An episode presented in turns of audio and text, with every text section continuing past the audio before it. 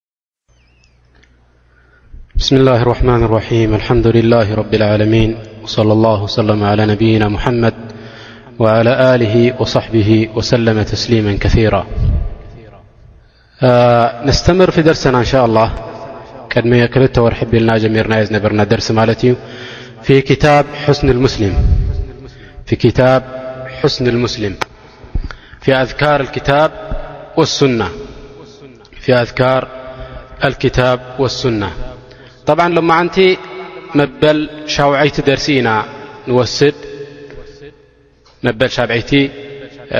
درسيناوسدلمنت إن شاء الله وهذه الليلة السابع من جباد الأولى من هجرية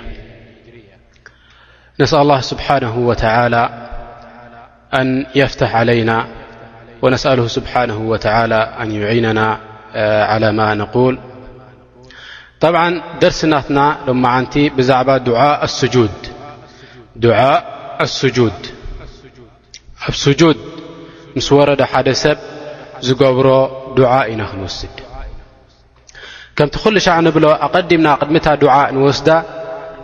ሓደ ሓደ ተንቢህ ኣወለን ሸይ ክንገብር ይግብኣና ካብቲ ተንቢሃት እንታይ ኣለና ኣወለን ሸይ ሓደ ሰብ ኣብ ርኩዕ ጸኒሑ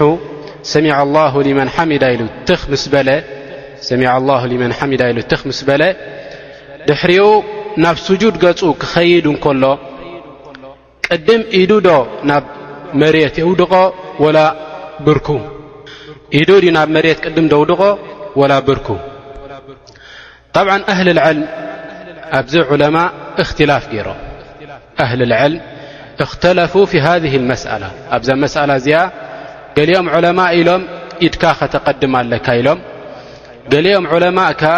ላ እንታይ ክትገብር ኣለካ ኢሎም እግርኻ ከተቐድም ኣለካ ይብሉ ማለት እዩ ጠብዓ እቶም ዑለማ ኢድካ ከተቐድም ኣለካ ዝበሉ ዑለማ ሓዲ መብዛሕቶም ዑለማ ሓዲ ኢድካ ቅድም ከተውርድ ኣለካ ኢሎም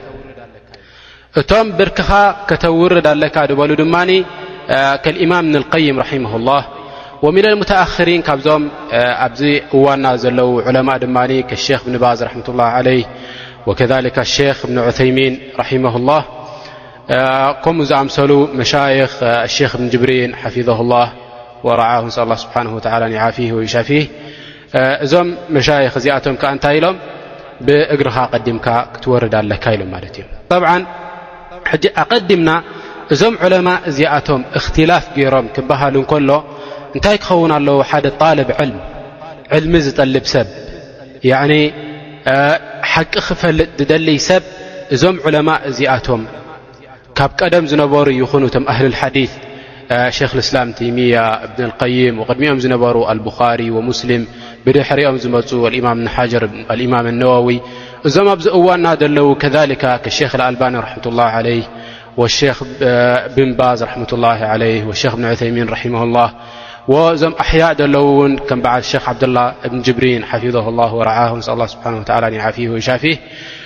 ከምኣቶም ዝመሰሉ ዑለማእ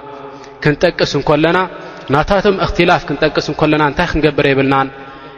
እቲ እክትላፍ ናታቶም ንሕና ተጀሩእ ናብኣቶም ከውድቐና ክግባእ የብሉን ንምንታይ እዚኣቶም ዓበይቲ ዑለማ እዮም ሓያቶም ኩሉ ንዲን ኣልእስላም ክኸድሙ ክብሉ ሻበት ሊሓሁም እዚ ልሕያ ናቶም እዚ ጭሕሚ ናቶም ንዲን ኣልእስላም ክኸድሙ ክብሉ ናብ ፃዕዳ ተቐይሩ ማለት እዩ ኩሉ ተዓብ ናቶም ኩሉ ሓያት ናቶም ኣብ ምንታይ ኣሕሊፎሞ ነዚ ድን እዚ ክኸድሙ ኣሕሊፎሞ ማለት እዮም ብታሊ ንሕና ክንርኢ እንከለና ንድሕር ኣ ክቲላፍ ገይሮም ክበሃል እንከሎ ሓደ ሰብ እንታይ ይርኢ እቲ ደሊል ፍላን ዝወሰዶ እቲ ደሊል ፍላን ዝወሰዶ ርኢኻ መሚኻ ንድሕር ኣ ክትመሚ ትኽእል ኮንካ ንድሕር ኣ ክትመሚ ዘይትኽእል ኮንካ ከዓ ናይቲ ቀዳማይ ዝሃበካ ወይ ድማ ናይቲ ልብኻ ዝወድቀልካ ፍታዋ ዝሃበካ ናቱ ትወስድ ማለት እዩ ፍላን ዓልም ከምዚ ኢሉ ፍላን ከምዚ ዓልም ከኣ ከምዚ ኢሉ ኢልካ ኣብ መንጎኦም ከም ዝጽልእ ዘሎ ኣብ መንጎኦም ጌጋታት ከም ዘሎ ጌርካ እንድሕር ደኣ ንዓኣቶም ጠቒስካዮም ሃذ ጀሪማ ዕንዳ ላሂ ስብሓንሁ ወተዓላ ኣብ ረቢ ስብሓንሁ ወተዓላ ዝኸፍአ ጀሪማ እዚ እዩ ማለት እዩ ወሊዛሊካ ምን ዑለማእ ሰለፍ ሓደ እንታይ ይብል ነይሩ ልሑም ዑለማእ መስሙማ ኢሉ እዚ ናይ ዑለማእ ስጋ ናቶም ሕሜታ ገይሩ ብሕሜታ ንዕኦም ድበልዖም ንዞም ሰባት እዚኣቶም እንታይ ኢሉ ማለት እዩ እቲ ስጋ ናቶም ሲ ከም ናይ ከልኦት ሰባት ከይመስለኩም ኢሉ ስጋ ናቶም ስሚ ኣለዎ ኢሉ ወዓደት ላሂ ፊ ሙንተቅሲህም ማዕሉማ ኢሉ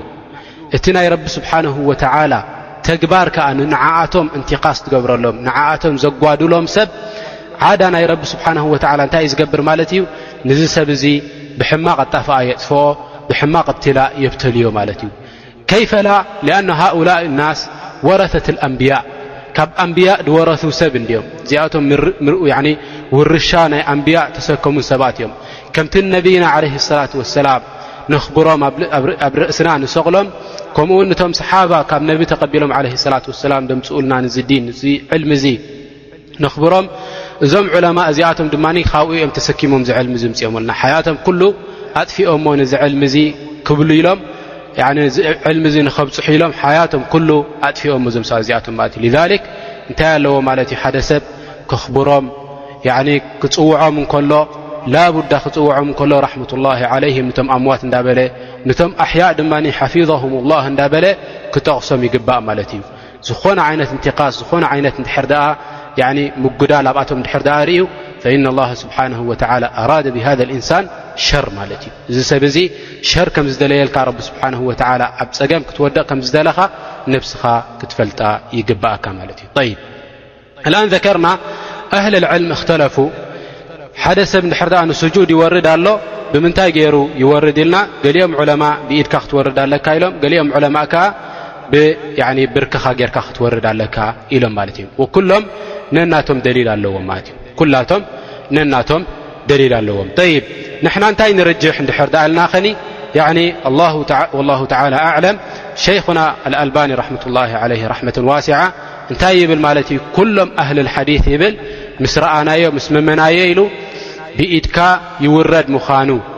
እቲ ሱና ንሱ መሚናዮ ይብል ኣሸክ ኣልባኒ ራሕመة ላ ለይ ራሕመة ዋስዓ ይ ክትወርድ እንኮለኻ ብኢድካ ምስ ወረድካ ኣብ ስጁድ ምስ ወረድካ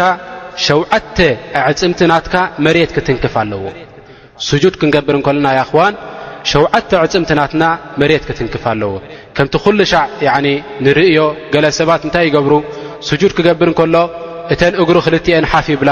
ግንባሩ ናይ ብሓቂ ኣፀቢቑ ሓፍ የብላ ፍንጭኡ ናብ ምንታይ ከይተንከፈት ናብ መሬት ከይተንከፈት ትኸውን ማለት እዩ ልዛሊክ ሸውዓተ ዕፅምቲ ናቱ እንታይ ክገብራ ኣለወን ማለት እየን ኣብ መሬት ክትንክፍ ኣለወን እንታይ እየን ዘን ሸውዓተ ዕፅምቲ እዚኣተን ድሕር ዳኣልና ሓቲትና ድማ ቀዳመይቲ ካብዘን ኣዕፅምቲ እዚኣተን ቀዳመይቲ ካብዘን ኣዕፅምቲ እዚኣተን ኣልጀብሃ ማዓ ኣልኣንፍ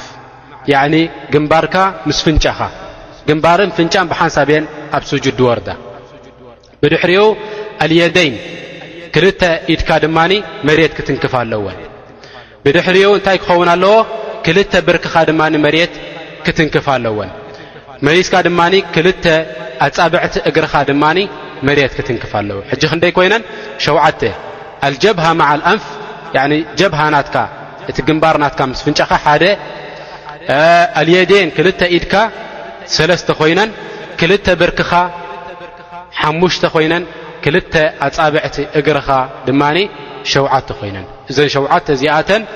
እዚኣተን እየን ተን ስጁድ ዝግበረለን ኣካላት ማለት እዩ ወ ነቢ ዓለ ሰላት ወሰላም እንታይ ኢሎም እሚርቱ ኣን ኣስጁድ ዓላ ሰብዓቲ ኣዕظም ኢሎም ኣነ ንረቢ ስብሓንሁ ወተዓላ ስጁድ ክገብረሉ ረቢ ዝኣዘዘኒ ብሸውዓተ ዕፅምተይ ገይረ ስጁድ ክገብረሉ ረቢ ስብሓንሁ ወተዓላ ኣዚዙኒ ይብሉ ኣነቢ ዓለህ ሰላት ወሰላም ዋጅብ ሓደ ሰብ ስጁድ ክገብረሉ ዝግባእ እዘ ሸውዓተ ኣዕፅምቲ እዚኣተን ን ማለት እዩ ሩበማ ሩበማ ኢንሳን እንድሕር ኣ ካብኣተን ኣጉዲሉ ሙምኪን እታ ሰላት ናቱ ክሃዝያ ወይ ድማ እታ ሰላት ናት ክሃስያ ይኽእል ማለት እዩ እታ ሰላት ናቱ ክሃስያ ይኽእል ማለት እዩ ኣተነቡህ ሃ ኣምር ካልእ እንታይ ክገብር ኣለዎ እቲ ኣካላት ናቱ እቲ መተዓፃፀፊ ኣካላት ናቱ እንታይ ክኸውን ኣለዎ ነንሕድሕዱ ክፈላለይ ኣለዎ እዚ ብርክ ወይ ድማ ዝሰለፍ ናቱ እንታይ ክኸውን የብሉን ኣብ ከብዱ ክጣበቕ የብሉን ካብ ከብዱ እንታይ ክገብር ኣለዎ ፍልይ ክብል ኣለዎ ከምኡ ውን እዚ ኢዱ ኣብ ትሽትሹ ክጣበቕ የብሉ እንታይ ደኣ ፍልይ ክብል ኣለዎ ጥራሕ ኣብ መስጊድ እንድሕር መለ ምስ ጀማዓ ትሰግድ ኣለኻ ከይኣኽለኩም እንድሕር ድኣ ድኽእል ኮይኑ እንድሕር ድኣ ተጻቢብኩም እንተዘይኮይኑ እክብ ኢልካ ንኹሉ ከም ዝኣኽሎ ትሰግድ እንድሕር ድኣ ንበይንኻ ኮንካ እንታይ ክትገብር ኣለካ ኩሉ ነብስኻ ፍልይሊ ኣቢልካ እዚ ኢድካ ካብ ትሽትሽካ ፈሊኻ ከምኡ ውን እዚ ሰለፍካ ካብ ከብድኻ ፈሊኻ እንታይ ክትገብር ኣለካ ማለት እዩ ቀጢልካ ስጁድ ናትካ ክትገብር ይግብኣካ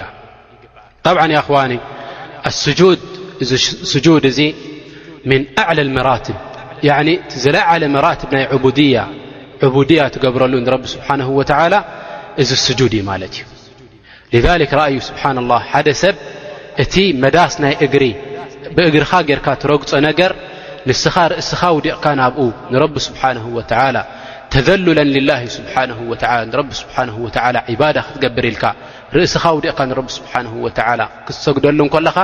እዚ እቲ ዝዓበየ መቓም ናይ ምንታይ እዩ ማለት እዩ መቃም ኣልዑቡድያ ንረቢ ስብሓን ወተዓላ እዩ ማለት እዩ ወሃذ ሸረፉ ልልእንሳን እዚ ድማ ሓደ ሰብ ረቢ ስብሓን ወተላ እንድሕር ዳኣ ወፊቕዎ ናብዚ ስጁድ እዚ ክበፅሕ እዚ እንታይ ማለት እዩ ረቢ ስብሓን ወተዓላ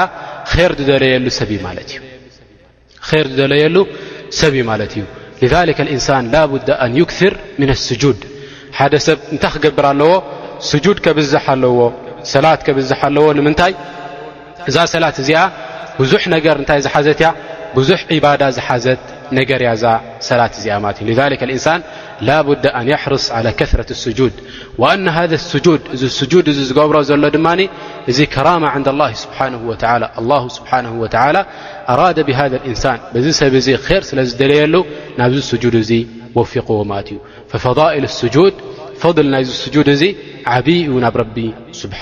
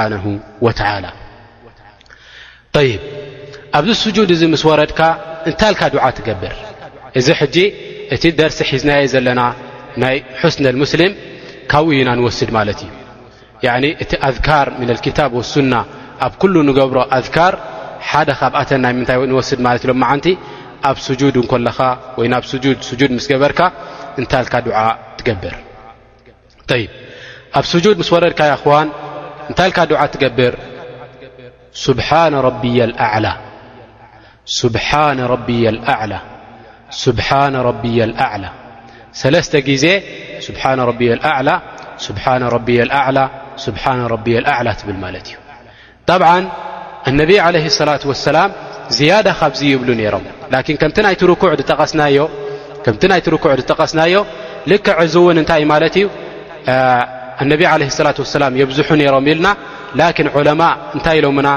ዝወሓደ ዝወሓደ ክኸውን ዝግባእ ንሓደ ሰብ ኢሎም ካብ ሰለስተ ከውሕድ ኣይግብኦን ይብሉ ማለት እዮም ዑለማ ካብ ሰለስተ ከውሕድ ኣይግብኦን እዚ እቲ ኣድና ወይ ድማ ዝተሓተ መራትብ ስለ ዝኾነ ካብ ሰለስተ ከውሕድ ኣይግብኦን ይብሉ ኣህሊ ልዕልም ልዛሊክ ሓደ ሰብ ካብ ሰለስተ ንላዕሊ ክሳብ ዓሰርተ ክበፅሕ ኣለዎ ካብኡ ንላዕሊ እንተኽኢሉ እውን ካብኡ ንላዕሊ ክብል ኣለዎ እንድሕር ደኣ ደይክኢሉ ኸዓ ክሳብ ሰለስተ እንታይ ክብል ኣለዎ ማለት እዩ ስብሓነ ረቢየ ኣዕላ ስብሓነ ረቢየ ኣዕላ ኢሉ ንረቢ ስብሓንሁ ወተዓላ ይዕዝሞ ልዕልነት ናቱ ይጠቅስ ኣብዚ ስጁድ ኮይኑ ማለት እዩ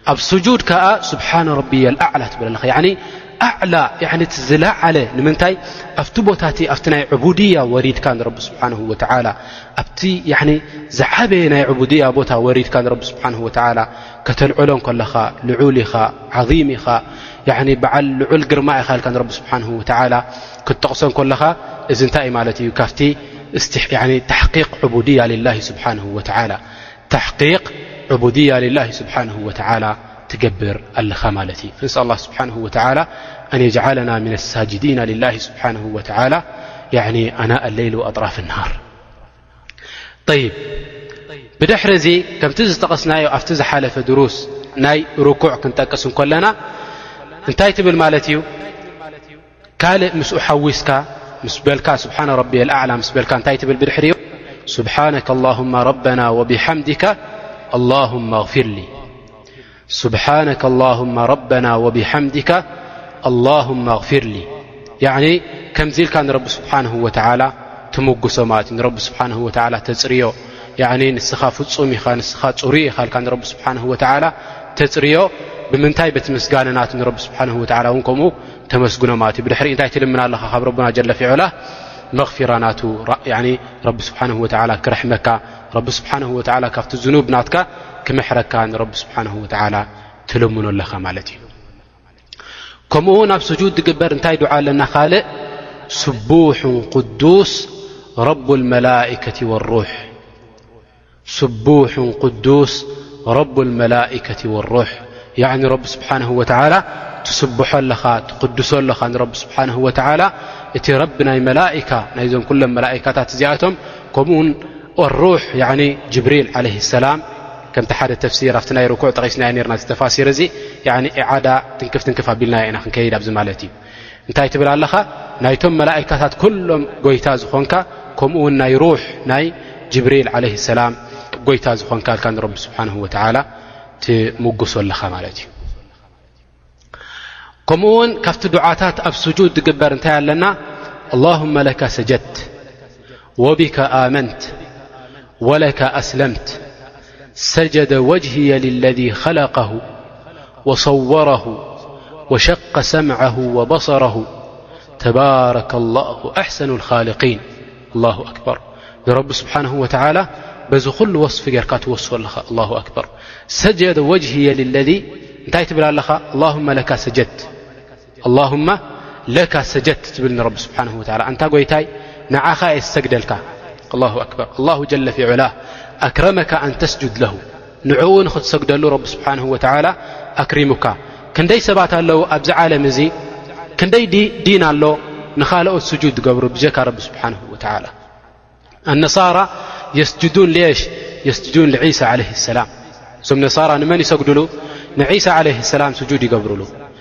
ንመርየም ዓለይሃ ሰላም ከሊካ ስጁድ ይገብሩላ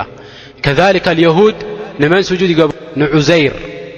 ዑዘይር ዝበሃል ነይርዎም ረጅሉ ሳልሕ ንዕኡ እንታይ ይገብርሉ ማለት እዮም ንዕኡ ንዚ ሰብ እዙ ከም ረቢ ገይሮም ወይ ድማ ከም ወዲ ረቢ ገይሮም ይጠቕስዎ ዞም ሰባት እዚኣቶም ከሊካ ሽ ኣብ ህንዲ ዘሎ ክንደይ ድያናት ኣሎ ኣብ ህንዲ ኣብ ህንዲ ዘሎ ድያናት ከዓ ብዙሕ ዩ ማለት እዩ ንብዕራይ ዝሰግዱ ድኦም ብዙሕ ነገር እንታይ ዘይሰግዱ እዞም ሰባት እዚኣቶም ማለት እዮም ከሊካ ሽ ኣብ ሙስልሚን እንድሕር ዳ ርኢኻ ከዓ እቶም መንገዶም ዝሰሓቱ ሙስልሚን ኣብ ሽርክያት ዝወደቑ ድማ ንመን ስጁድ ክገብርሉ ትረኽቦም ማለት እዮም ንቁቡር ድማ ስጁድ ክገብርሉ ትርኦም እዞም ሰባት እዚኣቶም ማለት እዮም ምንታይ ይወድቁ ኣለዉ ኣብ ሽርክያት ኣብ ቢድዓታት ይወድቁ ኣለዉ እዞም ሰባት እዚኣቶም ማለት እዮም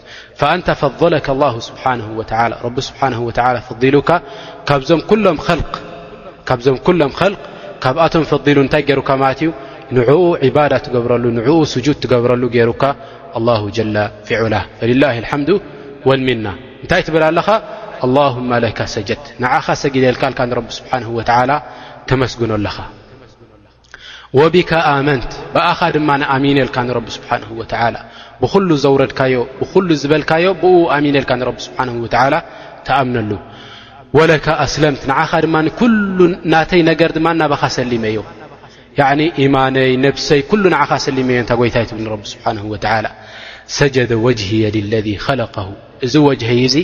እዚ ግንባረይ እዚ እዚ ገፀይ እዚ ንመን ስጁድ ገይሩሉ ንቲ ዝፈጠሮ ጎይታ ስጁድ ገይሩሉ ትብል ንረቢ ስብሓን ወላ ኣላ ኣክበር ወሰወረሁ ንዚ ገፅና እዚ ዝሰወሮ ዝሰኣሎ ዝፈጠሮ ጎይታ መን እዩ ኣላ ስብሓን ወላ ንዕኡ እየ ከዓ ስጁድ ገይረሉ ዘለኹ ወሸቀ ሰምዐሁ ወበሰረሁ ንዚ ገፅና እዚ ዓይኒ ንበይና ከዲዱ ዘውፅኣ እዝኒ ንበይና ከዲዱ ዘውፅኣ መን እዩ ኣላ ስብሓን ወላ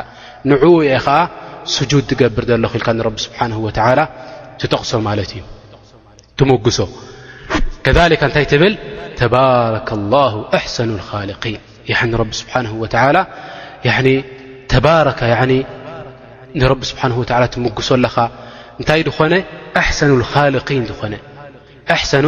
ኣልካሊቂን ኣሕሰኑ ሙሰውሪን ዝኾነ ጎይታ ናይዞም ኩሎም ሙሰውሪን ካብኣቶም ንላዕሊ ሙሰውር ዝኾነ ኣነ ስብሓ ወላ የኽልቁ ምና ልዓደም ካብ ዘይነበረ እዩ ረቢ ስብሓን ወላ ደምፅእ ላኪን ካልኦት ሰባት ክስእሉ ከለዉ ፍጡራት ክስእሉ ከለዉ ወይ ዝኾነ ነገር ክገብሩ ከለዉ እንታይ እዮም ድገብሩ ማለት እዮም ካብ ህልው ነገር እዮም ድስእሉ ማለት እዮም ንህልው ነገር እዮም ድስእሉ ላ ስብሓን ወላ ኣሕሰኑ ልካሊቂን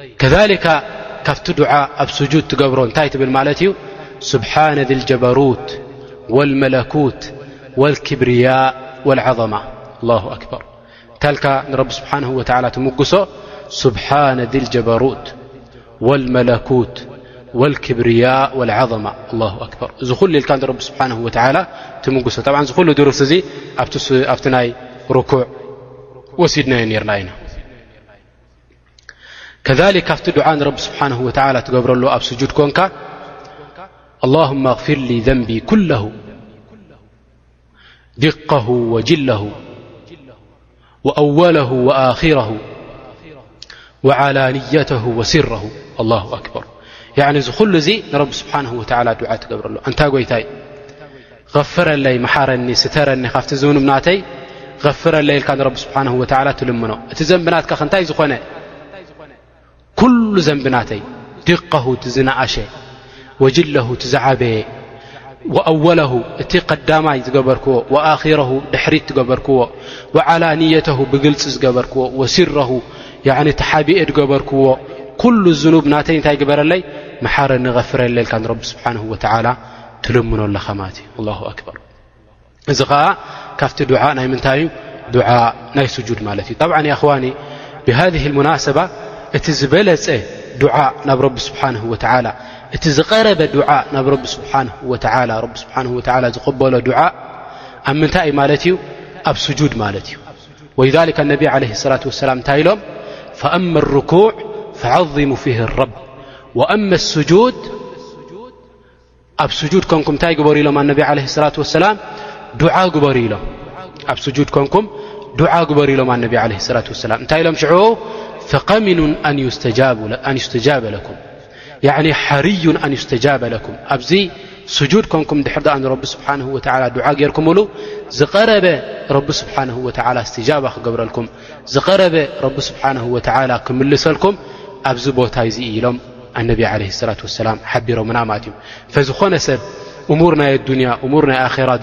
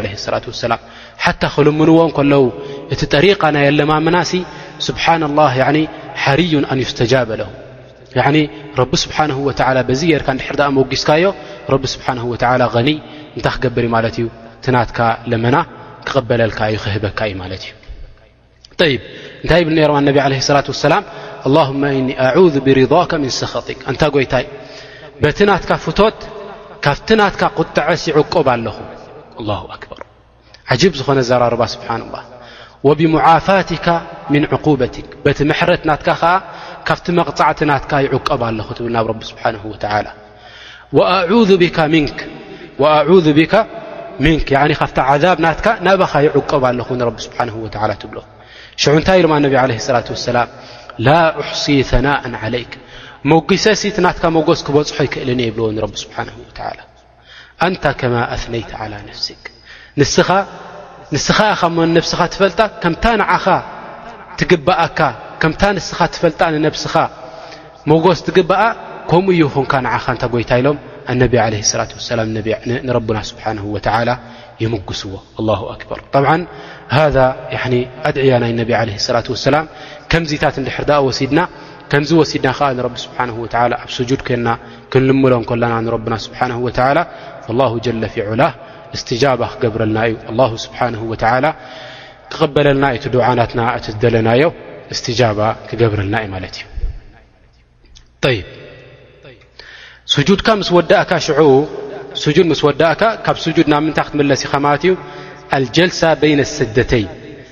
እታ ጀልሳ ትገብራ እታ ኮፍ ትብላ ኣብ መንጎ ተን ክልተ ስጁድ ንምንታይ ክንደይኤን ስጁድ ዘለዋና ክልተ ስጁድ ኣብ ኩሉ ረክዓ ክልተ ክልተ ስጁድ ኣለና ኣብታ ሓንቲ ስጁድ ምስ ገበርካ ካብታ ስጁድ እቲኣ ምስ ተመለስካ ኮፍ ትብላ ኣብኣ ኾንካ ከንታይ ዱዓ ትገብር ጠብዓ ኣብዚኣ እውን ክንብህ እንታይ ክገብር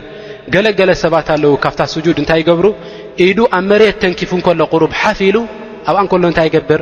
ናፍታ ስጁድ ይምለስ እዚ ጠብዓን ጌጋ እዩ እዚ ጌጋ እዩ ጀልሳ ቤይነ ስጅደተን ልክዕ ከምታ ስጁድ ሩኩን ምን ኣርካን ሰላት እያ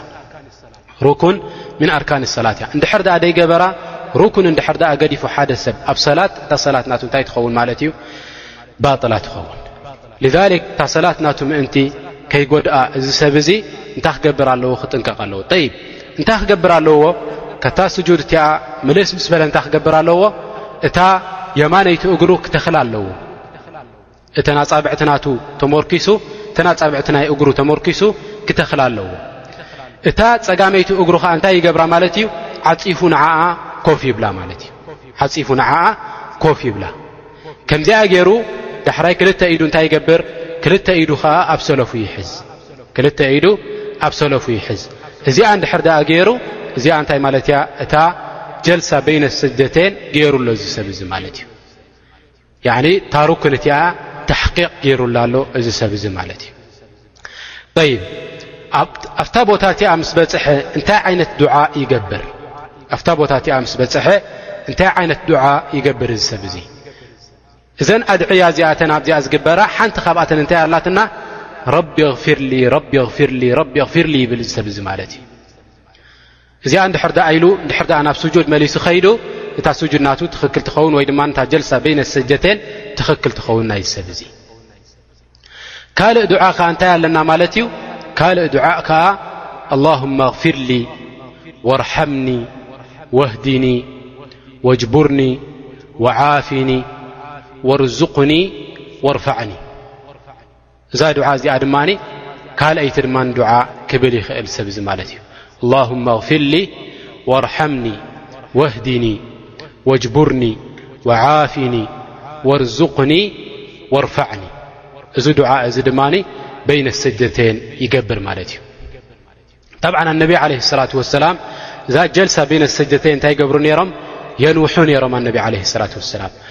ጠይብ እንድሕር ደኣ ንዊሖም ኣብዛ ቦታ እዚኣ ሲ እንታይ ይብሉ ነይሮም እንድሕር ደኣ ኢሉ ሓደ ሰብ እዚ ዱዓ እዚ እዚ ረቢ ኣኽፊርሊ ረቢ ኣኽፊርሊ የብዝሖ ማለት እዩ የብዝሖ ንዕኡ ምእንቲ ንውሕ ክትብለሉ እታ ቦታ እቲኣ ወይ ኣብታ ቦታ እቲኣ ኮይኑ ኣንውሓ ኣቢሉ ንረቢ ስብሓን ወትዓላ ምእንቲ ክዝክሮ እዚኣ እታ ጀልሳ በይነ ስጀተን ጀልሳ በይነ ስጀተን ትግበር ማለት እዩ ይ ካልእ ዓይነት ከዓ ኮፍ ኣባሃህላ ድማ ኣላትና ጠብዓ ልልፋኢዳ ኢና ንዝክሮ ዘለና ንሕና እዚ ንምንታይ ትናትና ደርሲ ናይ ምንታይ እዩ ነይሩ ናይ ዚክሪ እዩ ነይሩ ዚክር ኣብ ኩለን ሰላት ትግበር ወይ ድማ ዚክር በብቦትኡ ንዝክር ኣለና ንሕና ላኪን ኣብ መንጎኡ ሜስና እንዳዘከርና እንተኸድና ንምንታይ ምስ ተተሓሓዘ ስለ ዝኾነ እታ ጀልሳ ከመይ ገይሩ ከም ዝብል እውን እንዳጠቐስና ንኸይድ ኣለና ስጁድ ከመይ ኢሉ ከም ዝሰግድ እውን እንዳጠቐስና ንኸይድ ኣለና ይ ካልእ ዓይነት ጀልሳ ከላትና ዶ ከምዛ ዝጠቐስናያ ዘይኮነሲ ካልእ ዓይነት ጀልሳ ከላትና ዶ እዎ ካልእ ዓይነት ጀልሳ እውን ኣላትና ኣብዛ ጀልሳ በይና ኣሰጀተይን እንታይ ዓይነት ጀልሳ ኣላትና ክልትኤን እግሩ ይተኽለን ክልትኤን እግሩ ይተኽለን በፃብዕቱ እንታይ ይገብር ማለት እዩ ኣፃብዕቲ ተመርኪሱ ንዓኣተን ይተክለን ዳሕራይ እንታይ ይገብር ኣብቲ ሞኣኪራ ናይ መጨረሻ እግሪ ናቱ ኣብ መጨረሻ መዳስ ናይ እግሩ ኣብኡ እንታይ ይገብር ማለት እዩ ኣብኡ ኮፍ ይብል እዚ እውን ሓንቲ ካብተን ሱና ኮፍ ኣባሃህላ ናይ ጀልሳ በይና ኣሰጀተይን ማለት እዩ ይብ ብድሕሪ እዚ ሙምኪን ሓደ ሰብ እንታይ ይብል ማለት እዩ ማዳም ኣብ ስጁድ በፅሕኩም ኣብ ስጁድ እንድሕር ኣ በፂሕኩም ኣብ ሓደ ሰብ ድሕር ኣ ስጁድ ኣትላዋ ድሕር ኣ ቁርን ተን ሰጅዳ ትግበረለን ኣያት እንድሕር ኣ በፂሑ ሲ ከመይ ገይሩ ስጁድ ይገብር ኣብኣተንከ እንታይ ድዓ ይገብር ኢሉ እንድሕር ሓቲቱና እንታይ ኢልና ንምልሰሉ ንሓደ ሰብ ማለት እዩ ጠብዓ ያኽዋን እዘን ስጁድ ኣትላዋ ድበሃላ ዓሓሙሽተ መውድዕ ኣብ ቁርን ኣለና ማለት እዩ ኣብ ዓሰርተ ሓሙሽተ ቦታታት ኣለዋና ዘን ስጁድ ንገብረለን ገለ ዑለማ እንታይ ኢሎም ዓሰርተ ኣርባዕተ እየን ኢሎም ከም ኣልእማም እብኒ ሓዘም ገለ ዑለማ ከዓ እንታይ ኢሎም ዓሰርተ ሓሙሽተ እየን ኢሎም ጠቒሶም ዑለማ ማለት እዩ ንሳተን ከኣ እንታይ እየን ማለት እዩ እዘን ቦታታት እዚኣተን ስጁድ ዝግበረለን እንታይ እየን ማለት እዩ መጀመርያ መጀመርያ እንታይ እዩ ማለት እዩ ኣር ሱረት ኣዕራፍ ኣክር ሱረት ኣዕራፍ ኣብኣ ኣላትና እታ ኣያ ናይ መጨረሻ ምስ በፃሕናያ ኣብኣ እንታይ ንገብር ማለት እዩ ኣብኣ ስጁድ ንገብር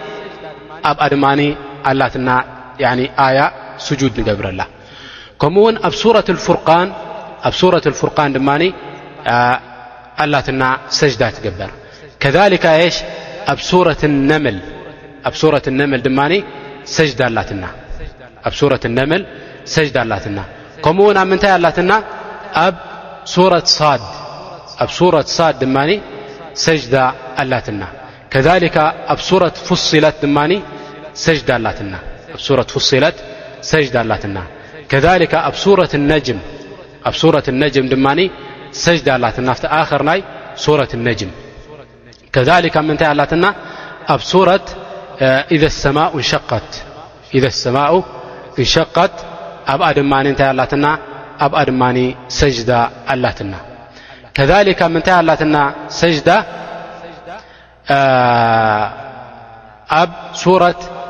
እቅራእ ብስሚ ረቢካ ለዚ ኸለቕ ድማ ኣብኣ ድማ ሰጅዳ ኣላትና እዚአን ኩለን እዚኣተን ክንደይ ኮይነን ኣልና ዓሰርተ ሓሙሽተ መውضዕ ኣብ ዓሰርተ ሓሙሽተ ቦታ ስጁድ ንገብር እንድሕር ደኣ ቁርን ተቐሪኡ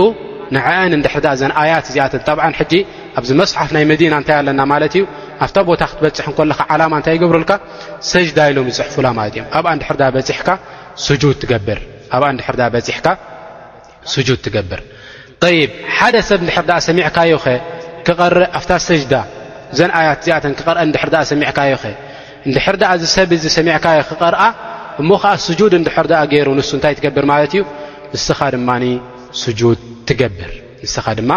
ስጁድ ትገብር ይ ስጁድ ምስ ገበርካ ኸ እንታይ ልካ ዱዓ ትገብር ኣብኡ ስጁድ ምስ ገበርካ እንታይ ልካ ዱዓ ትገብር ኣብኡ نتي ل اللهم اكتب لي بها عندك أجرا وضع عني بها وزرا وجعلها لي عندك ذخرا وتقبلها مني كما تقبلتها من عبدك داود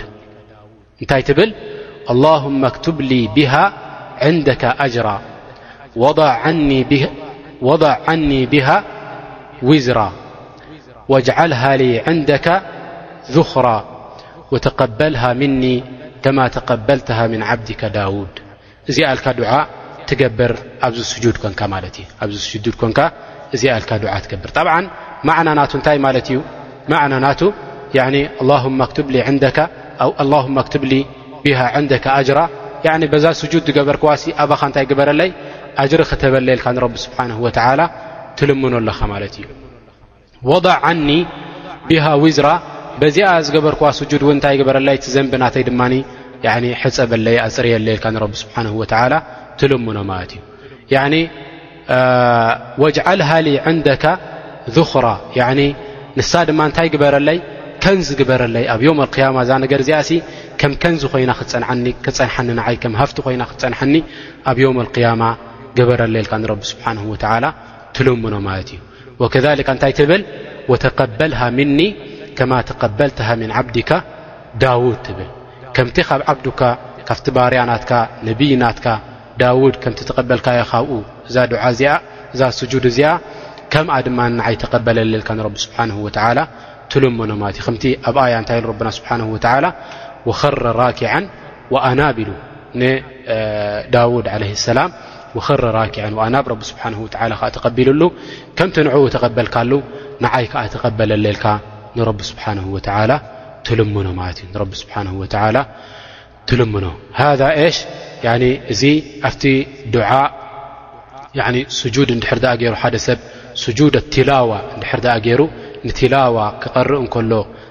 ደለዋ ኣያት ንዓኣተን እንድሕር ደኣ ናይ ስጁድ ኣያት እንድሕር ደኣ ቐሪእወን ድገብሮ ዱዓእ ማለት እዩ ድገብሮ ዱዓእ ማለት እዩ ጠይብ ካብዚ ሓሊፍና ኸዓ እንታይ ንብል ማለት እዩ ሽዑ ጠብዓ ተኻልኣይቲ ስጁድ ምስ ገበረ ድሕር ደኣ ካልኣይቲ ረክዓ ኮይና ወይ ድማ ናይ መጨረሻ ረክዓ እንድሕር ደኣ ኮይና እንታይ ክገብር እዩ ማለት እዩ ኮፍ ኢሉ ተሻሁድ ክገብር እዩ ኣተሻሁድ ሕጂ ናይ ምንታይ ክንወስድ ኢና ናይ ኣተሻሁድ እዛ ተሻሁድ እንታይ ማለት እያ እታ ኣትሕያቱ ንብላ ማለት እያ ንምንታይ ተሻሁድ ተባሂላ ትፀዊዓ እንድሕር ኣ ተባሂሉ በቲ ኣሽረፍ በቲ ዝዓበየ ሽምናታ ተፀዊዓ ወይ ድማ በቲ ዝዓበየ ቁም ነገር ዝሓዘለቶ እዛ ነገር እዚኣ ብኡ ተፀዊዓ ንምንታይ ኣብቲ መጨረሻ ናታ እንታይ ልካ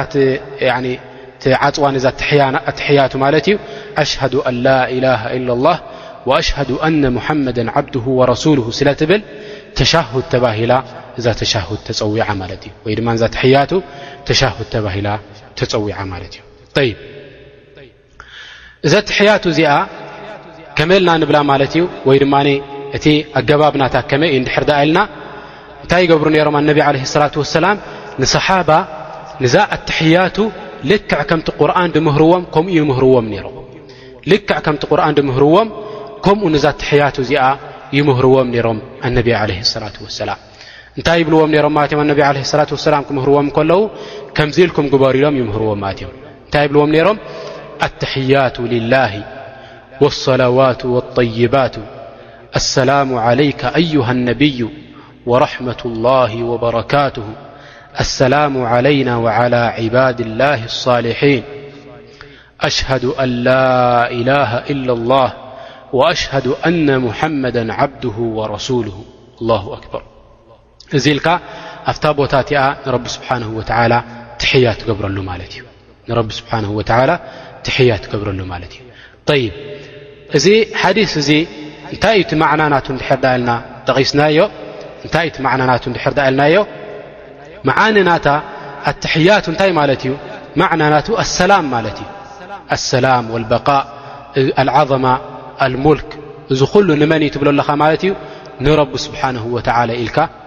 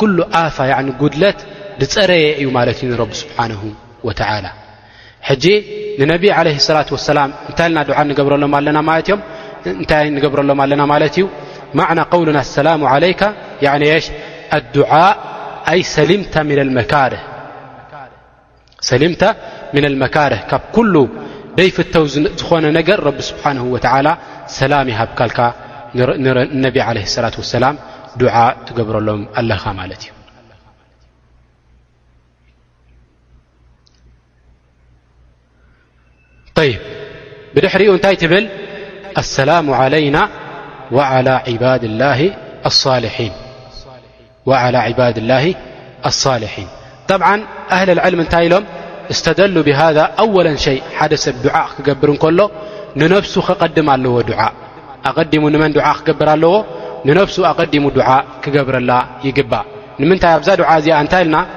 ኣሰላሙ ዓለይና ወዓላ ዕባድ ላ ሳልሒን ያዕኒ መጀመርያ ንመን ድዓ ጌርካሉ ንነብስኻ መጀመርያ ድዓ ጌርካላ መጀመርያ ንነብስኻ ድዓ ጌርካላ ኣሰላሙ ዓለይና ንነብስኻ ሰላም ክወርደካ ካብ ረቢ ስብሓን ወላ ካብ ኩሉ ብ ካብ ኩሉ ኣፋ ረቢ ስብሓን ወላ ከልግሰካ ድዓ ትገብር ኣለኻ ማለት እዩ ብድሕሪኡ እንታይ ትብል ወዓላ ዕባድ ላ ኣሳልሒን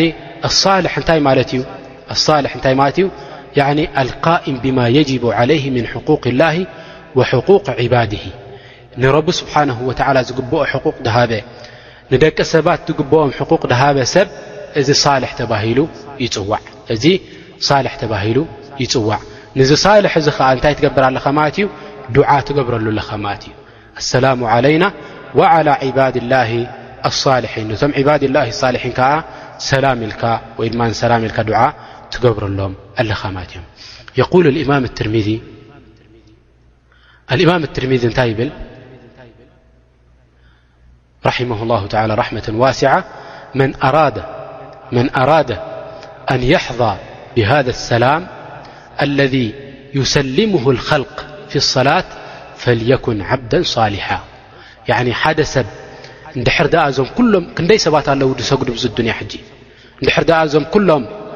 ሚልያር ሓደ ሚልያርን ፈረቓን ዝኾኑ ሙስሊሚን ኩሎም ድሕር ዳኣ ዝሰግዱ ኮይኖም ኩሎም ከዓ ኣሰላሙ ዓለይና ዓላ ዕባድ ላ ሳልሒን ክብሉ ከለዉ ናይዞም ኩሎም ድዓ እዚኣቶም ድሕር ኣ ሳልሕ ኮንካ ናይ ኩሎም ድዓ ንዓኻ ክመፀካ እዩ ማለት እዩ ላ ኣክበር ፈል ዓም ማለት እዩ ሊክ እንታይ ይብል ግድን ሓደ ሰብ እንታይ ክሓስብ ኣለዎ ንነብሱ ከስልሓ ክሓስብ ኣለዎ ንምንታይ እዚ ድዓ እዚ ምእንቲ ከይሓልፎ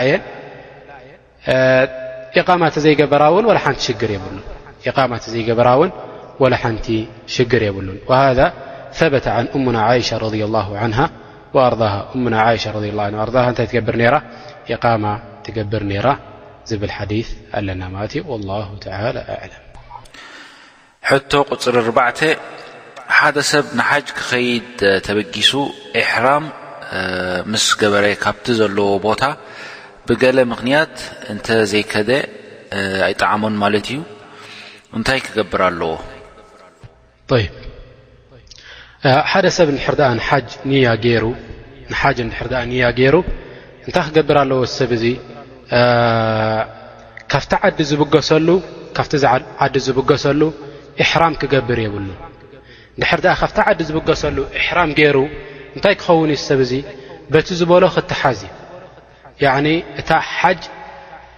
ዋጅብ ክትኮነ እያ እታ ዓመት እቲኣ እንታይ ክገብር ማለት እዩ እታ ዓመት እቲኣ ክሕጃ ድሕር ዳኣ እታ ዓመት እቲኣ ዘይሓጀጃ ሰብ እንታይ ኣለዎ ማለት እዩ ፊድያ ኣለዎ ብድሕሪኡ ከዓ ድመፅእ ዓመት እውን ግድን ንክሕጅጅ ክግደድ እዩ ማለት እዩ ሊክ ድሕር ዳኣ ንያ ገይሩ ሓደ ሰብ ንክሕጅጅ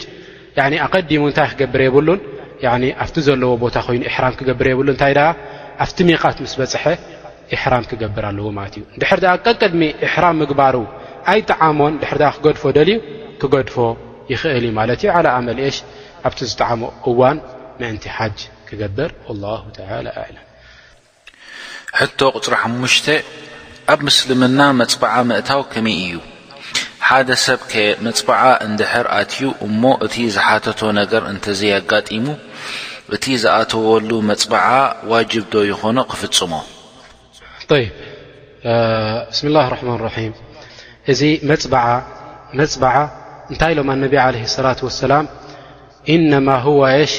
ዩስተኽረጁ ብሂ ምና ኣልበኺል እዚ መፅባዓ ኮኒ ካብ ጠማዕ ሰብ እዩ ድወፅእ ካብ ጠማዕ ሰብ እዩ ድወፅእ ኢሎም እንታይ ማለት እዩ ንረቢ ስብሓን ወላ እንታይ ትብሎ ኣለኻ ማለት እዩ ኣነሲ እንድሕር ደኣ እዚ ነገር ዝደለኽዎ እንድሕር ጌርካለይ ክሰግድ እየ እንድሕር ዘይገበርካለይ እንታይ ማለት እዩ ኣይክሰግድን እየ ድሕር ዳኣ ከምዚ ጌርካለይ ክፀውም እየ ድሕር ዘይገበርካለይ ኣይፀውምን እየ ከምዚ ዳርጋ ትብል ኣለኻ ማለት እዩ ሊዛሊክ እዚ ናይ ቡኸላ ኢሎም ኣነቢ ዓለ ሰላት ወሰላም ይብ ምናልባት ሓደ ሰብ እዚ እንታይ ኢሉ ሕኩም ናይ ኣነድር ወይ ድማ መፅባዓ መክሩህ ኢሎም ኣህልልዕልም መክሩህ ኢሎም ላኪን ሓደ ሰብ እንድሕር ደኣ መፅበዓ ገይሩኸ እንድሕር ደኣ መፅበዓ ገይሩ እታ መፅበዓ ድገበረላ ነገር ከዓ እንድሕር ደኣ ሓላል ኮይና ጣዓ እንድሕር ደኣ ኮይና ዋጅብ ዓለይህ ክትግብር ኣለዎ ዋጅብ ዓለይህ ክትግብር ኣለዎ መዓስ ኢኸ ዝትግብራ እዛ ነገር እዚኣ እታ ዝደልያ ነገር ምስ ረኸባ እታ ዝደልያ ነገር ምስ ረኸባ ንታ መፅበዓ ናቱ እንታይ ክገብር ኣለዎ ክትግብር ኣለዎ ጠይብ ከምዛ ዝሓተትካያኸ እታ ዝደልያ ነገር እንድሕር ድኣ ደይረኸባኸ ይትግብራዶ ዋጅብ ዶ ኾኖስ ዋላ ኣይኮኖን ላዋ ኣይኮነን እዩ ሊኣኖ ንሱ ነታ ነገር ብምንታይ ገይሩ እዩ ኣሲርዋ ድሕር ድኣ ከምዝረኺበሲ ኣነ ክፀውም እየ እንድሕር ድኣ ከምዝረኺበስ ከምዚ ክገብር እየ ኢሉ ስለ መፅባዓ ዝኣተወ እንድሕር ድኣ ደይረኸበ ዋጅብ ኣይኮነን እዩ ነታ ነገር እቲኣ ክትግብራ ወላሁ ተዓላ ኣዕለም ሕቶ ቁፅሪ ሽዱሽተ ኣብ ቤት ዓዛእ ወይ እንዳ ሓዘን እንድሕር ከይድካ እሞ እቶም ሰባት ያሲን ክቅርኡ እንድሕር ፀኒሖምኻ ምሰኦም ኮፍ ክትብል ይካእ ይፍቀድ ዶ? طይብ ብስሚላህ ኣራሕማን ራሒም እንድሕር ደኣ ደቂ ሰባት ኮፍ ኢሎም ያሲን ይቐርኡ ኣለዉ ቤት ዓዛ ገለሲ እንታይ ክገብር ኣለዎ ሰብ ዝብል ሓሳብ ጠብዓ ሙናስሓ ንደቂ ሰባት ነሲሓ ምግባር ፅቡቕ እዩ ያኒ እቲ ጌጋ ድገብርዎ ደለዉ ምብያን ደቂ ሰባት ጽቡቕ እዩ ስኻትኩም ኣብ ጌጋ ኢኹም ደለኹም ሱና ከምዚ ኮነን ገለ ኢልካ ንደቂ ሰባት ክትብይን ኣለካ ያኒ እቲ ጸገም ኣምጽኡ ደሎ እንታይ እዩ ጌጋ ምስ ረኣየ ሰብ ክንዲ ዝነስሕ እንታይ ይገብር ይሃድም ጥራሕ ካብኡ ድሕሪ ደኣ ሃዲሙ እቲ ሰብ ኣብ መንጎ ምቅርሓን ይመጽእ ኣብ መንጎ ደይምንንስሳሕ ይመጽእ በዚ ኸኣ እቲ ሓቂ ኣይፍለጥ እቶም ሰብ ባጥል ድማ ባጥል ናቶም እንታይ ምዃኑ ሽግሮም ከይፈለጡ ኣብኡ ይቕጽሉ ማለት እዮም لذلك ኣብ መንጎና ምንስሳሕ ክግበር ኣወለ ይግባእ ካልኣይ ደረጃ እንድሕር ኣብዮም ንሳቶም ነሲሕካዮም ክሰምዑካ ደይክኢሎም ንስኻ እንታይ ክትገብር ኣለካ ማለት እዩ ኣብቲ ቢድዓ ዝግበር ዋይ ኣብቲ ሙንከር ትግበር ቦታ ኣብኡ ኮፍ ክትብል የብልካ ማለት እዩ ላሁ ተ ኣለም እንሳ ላ ስብሓን ወተላ